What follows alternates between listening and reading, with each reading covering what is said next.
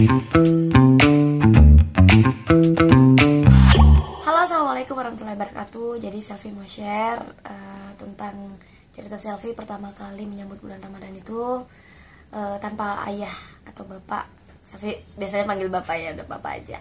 Jadi uh, bapak itu adalah sosok salah satu bagian keluarga yang sangat penting dalam uh, kehidupan itu. Khususnya di kehidupan selfie sendiri Bapak itu sudah sebagai istilahnya penyemangat, terus penopang dalam hidup, terus pemimpin, terus apa ya?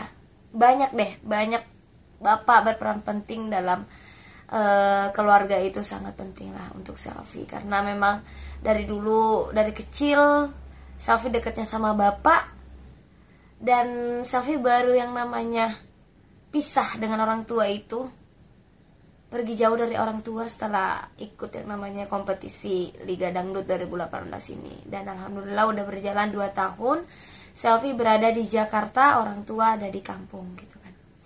Dan mungkin uh, berja udah mau berjalan tiga tahun ini pertama kali selfie menyambut bulan Ramadan tanpa sosok seorang bapak itu sangat mungkin beda aja. Beda sih beda uh, apa sih beda suasana gitu kan. Walaupun kemarin-kemarin pun juga aku menyambut bulan Ramadan tanpa seorang tua tetapi uh, masih bisa video callan masih bisa teleponan.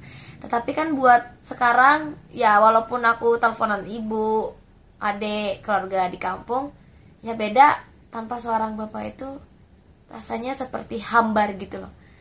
Rasanya seperti hambar dan wah nggak percaya gitu loh. Iya nggak sih? Tahun ini aku udah nggak ada bapak. Tahun ini aku udah nggak ada apa sosok penyemangat selfie udah hilang di tahun ini. Di mana uh, di bulan uh, apa Ramadan ini sangat sangat selfie rasakan betapa be begitu banyak hadi eh, be begitu banyak hidayah yang selfie dapat. Apalagi uh, untuk mewujudkan cita-cita bapak emang mungkin dari dulu juga dari selfie juga untuk menutup aurat alhamdulillah selfie baru bisa wujudkan setelah beliau tiada gitu. Jadi apa ya mau menyesal juga percuma. Ya mungkin lebih kepada terima apa adanya yang terjadi sekarang selfie cuma bisa doakan yang terbaik untuk beliau mudah-mudahan dikasih tempat yang indah di sana diberikan uh, apa ya? Diberikan tempat di tempat yang terpuji mudah-mudahan bahagia dengan adanya selfie seperti ini seperti sekarang dan pastinya selfie tidak akan menyerah untuk terus belajar dan belajar untuk lebih baik lagi demi membawa nama selfie sendiri dan keluarga gitu. Jadi memang tanggung jawab selfie di keluarga sekarang sangat besar dengan tiadanya bapak selfie eh, tanggung jawabnya untuk menjaga keluarga lebih besar lagi gitu. Apalagi menyangkut nama baik orang tua. Assalamualaikum teman-teman semuanya. Apa kabar nih? Jadi sekarang Putri mau menceritakan Apa aja sih kegiatan Putri selama menjalani ibadah puasa Dan studi uh, di rumah jadi selama Putri puasa di sini alhamdulillah lancar banget. Terus kan di sini cuma berdua sama mama aja gitu kan.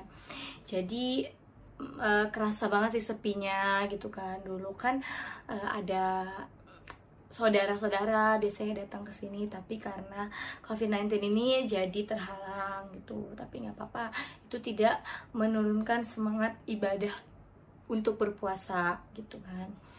Terus kalau untuk uh, sekolah, Putri kan masih kelas 1 SMA dan Putri skala sekarang sekolahnya lewat online gitu. Jadi kayak ada Google Classroom gitu dan Putri aktif di situ. Gitu. Jadi sih alhamdulillah lancar sih selama ini dan mudah-mudahan semoga aja uh, COVID-19 ini cepat berakhir jadi kita bisa melakukan aktivitas kita kembali seperti semula. Nah teman-teman kali ini aku mau sharing makanan khas Pontianak apa sih yang paling aku kangenin pada saat berbuka puasa di Pontianak.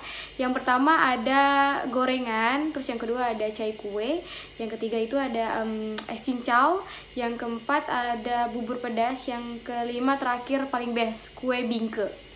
Kita bahas satu-satu ya. Yang pertama itu ada gorengan gorengannya pastinya berbeda sama gorengan yang ada di Jakarta.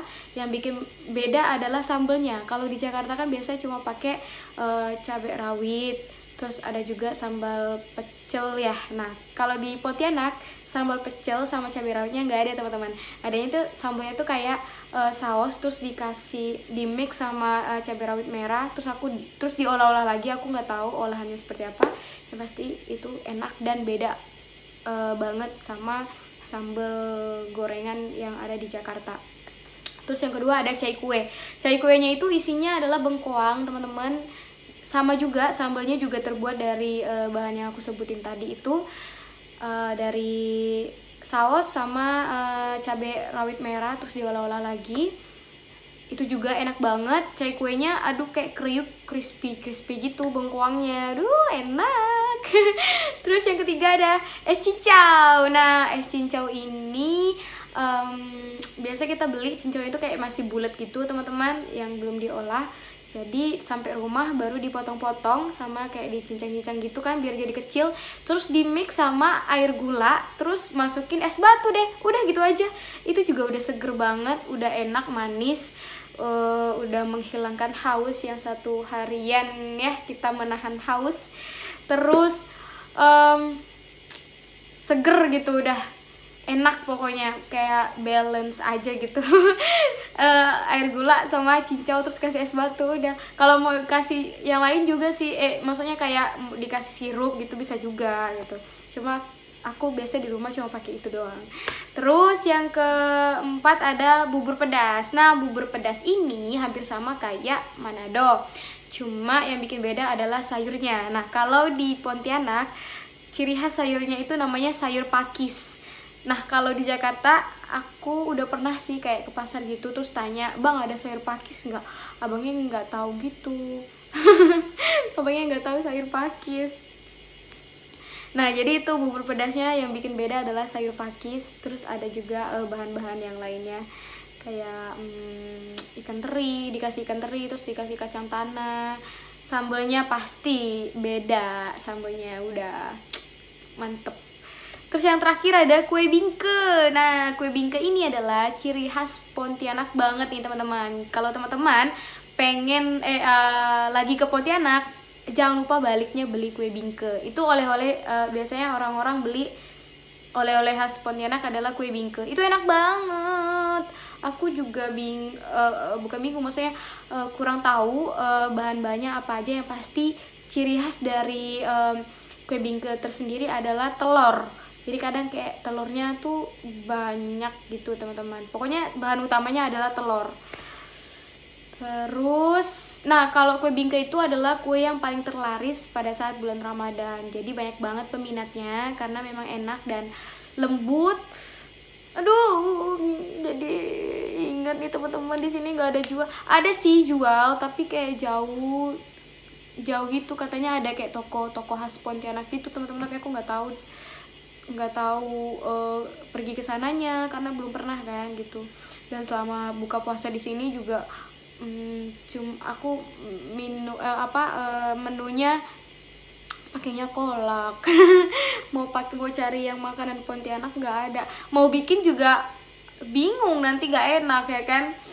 Jadi gitu teman-teman. Um, lima makanan favorit aku makanan khas Pontianak yang Salah satunya wajib ada pada saat berbuka puasa. Nah, kalau kalian sendiri apa nih ciri khasnya? Makanan khas uh, daerahnya? Boleh komen di bawah ya. Halo, Assalamualaikum buat sahabat Trident di mana pun berada. Reza hari ini akan bercerita tentang kebiasaan Reza dan keluarga saat menjalani uh, Lebaran. Jadi kalau Lebaran itu dari mulai Reza kecil dulu, uh, uh, kita semua setelah sholat id kita akan sholat id bersama keluarga masing-masing dulu jadi setelah uh, selesai sholat id kita akan pergi ke rumah saudara papa atau saudara mama yang tertua Di sana kita akan ketemu sama semua family dari mulai ponakan, cucu, ah segala pokoknya ada di situ. Dan uh, setelahnya di dalam sana biasa seperti biasa ada makan makanan khas yang biasanya hanya ada saat lebaran aja. Misalnya kayak Idul Fitri. Idul Fitri makanan yang khasnya itu ada ada ketupat, ada opor, ada sambal goreng kentang, sambal goreng ati, daging, terus ayam goreng serundeng, uh, terus ada squalode, terus pokoknya ada ada ada itu makanan-makanan yang nggak pernah kita makan selama hari-hari biasa. Jadi itu makanan khusus yang memang sengaja kita makan saat uh, malam lebaran atau pas hari lebaran biasanya. Mama biasanya kalau malam lebaran tuh Eja suka repot tuh Eja, di Eja semua repot kita masak. Kita masak sendiri buat di rumah dan ada yang kita makan bareng-bareng sama keluarga di sana.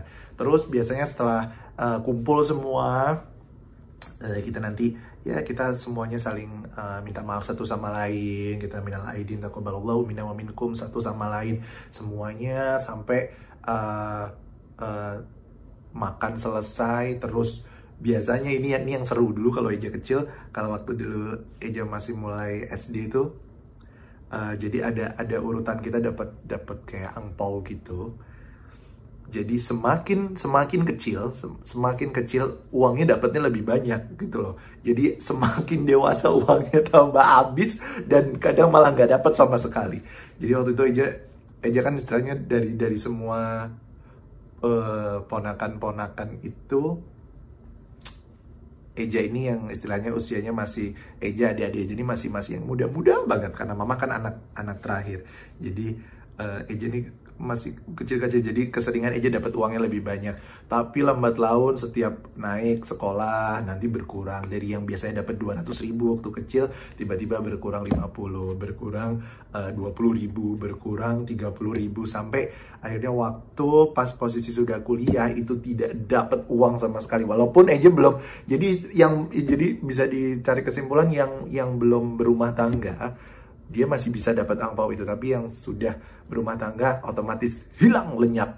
Jadi Eja ini masih masih bisa dapat dan sekarang dengan dengan sekarang Reza seperti ini malah justru sekarang sudah kebalikannya. Reza Reza yang justru memberikan angpau pada ponakan-ponakan sama adik sama keponakan sama eh, apa ya istilahnya ada ada eh, cicit-cicitnya mama lah itu. Jadi Eja yang kasih yang seperti itu. Jadi kebiasaan uh, Lebaran di di keluarga Reza itu seru sebenarnya seru. Tapi mungkin tahun ini agak sedikit berbeda karena uh, kita kita tidak bisa berkumpul seperti biasanya. Biasanya malam takbiran uh, malam takbiran itu kita kita udah kumpul semuanya tuh. Itu buka bersama buka buka puasa terakhir itu biasanya kita sudah kumpul semua. Nah di situ malam kita sambil uh, selesai sholat maghrib terus kita takbiran bareng seperti itu. Jadi seru sih seru. Jadi semoga uh, apa ya semoga uh, kebiasaan ini bisa kalian tiru karena ini kebiasaan-kebiasaan unik. Jadi kalau kalian mau tiru juga monggo. Kalau enggak ya ini Reza hanya bercerita tentang kehidupan Reza bersama keluarga di di rumah dan bersama keluarga besar saat lebaran. Jadi hal yang Rara eh apa tuh hal yang Rara kangenin pas Ramadan di di kampung halaman itu yang pertama buka bareng keluarga pastikan kumpul terus juga silaturahmi sama uh, keluarga gitu kan. Terus main mercon. Jadi kangen main-main sama temen-temen lah. Jadi kan Rara pas puasa tuh suka main mercon terus juga suka main pokoknya main banyak deh banyak banget. Terus suka bakar-bakar gitu suka bakar-bakar oh. makanan. Terus suka tarawih bareng suka nakal bareng. Gitu pokoknya. Kangen banget lah sama hal-hal yang gitu tuh. Nanti nabung uang beli mercon gitu. Halo guys, jadi aku mau menceritakan tentang makanan khas uh, berbuka puasa dan lebaran di Aceh yang biasa aku uh, santap yaitu yang pertama masam jinggayo, terus yang kedua depik gayo, yang ketiga uh, guli gayo guys. Dan itu adalah makanan yang khas Gayo banget dan tidak ada di daerah mana pun. Dan itu adalah menjadi kebanggaan orang Gayo serta kalau saya pulang ke Gayo itu saya sangat senang sekali. Tapi kalau seandainya memang tidak bisa pulang ke uh, daerah uh, kampung saya, itu tidak menjadi suatu masalah karena di rantau juga enak gas, tidak pulang juga tidak masalah. Dadah, assalamualaikum warahmatullahi wabarakatuh. Assalamualaikum, saya Lesti. Jadi kebiasaan aku Idul Fitri di kampung biasanya sama saja sebenarnya dengan teman-teman yang lain uh, Idul Fitrinya pada umumnya sama aja. Kita kita ngumpul dengan keluarga terus uh, melaksanakan sholat id bertemu dengan saudara-saudara di sana dan para tetangga di sana.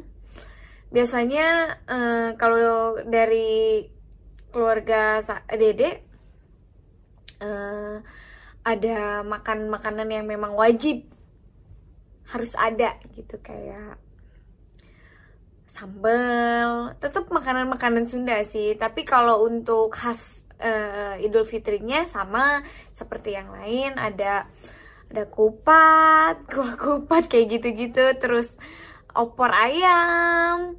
Terus biasanya sih um, karena kebetulan di kampung kan mama dulu jualan jadi nah mie ayam ini tuh harus ada. Selain makanan-makanan pokok yang lain tuh mie ayam ini tuh harus ada di di pada saat sholat Idul Fitri ini. Nah, kalaupun nggak sengaja bikin karena kebetulan Bibi kan masih jualan juga, jadi sekalian beli ke Bibi kayak gitu biasanya. Terus abis itu kalau aku biasanya ngumpul juga dengan teman-teman karena teman-teman sekolah aku kan biasanya sama juga pada mudik pada pulang, jadi kita membiasakan untuk kayak ketemu terus reuni Terus setelah itu biasanya ketemu dengan teman-teman um, seperjuangan kayak ya grup grup-grup dangdut, terus banyak lah grup-grup seniman di sana gitu.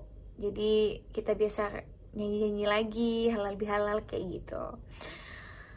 Uh, untuk kebiasaan Idul Fitrinya ya sama juga dari keluarga Dede juga ada uh, setelah melaksanakan sholat id kita ada sungkeman juga dari mulai um, keluarga besar dari mamah dulu karena ada berapa anak ya pokoknya dari anak yang paling besar terus sampai turun temurun sampai cucu-cucunya sampai yang paling kecil kayak gitu kurang lebih sih seperti itu pengalaman uh, Idul Fitri di kampung. Mudah-mudahan aku sih berharap wabah virus COVID-19 ini segera berakhir supaya kita um, bisa mudik supaya kita bisa kembali berkumpul dengan keluarga-keluarga kita di kampung, di kampung halaman kita.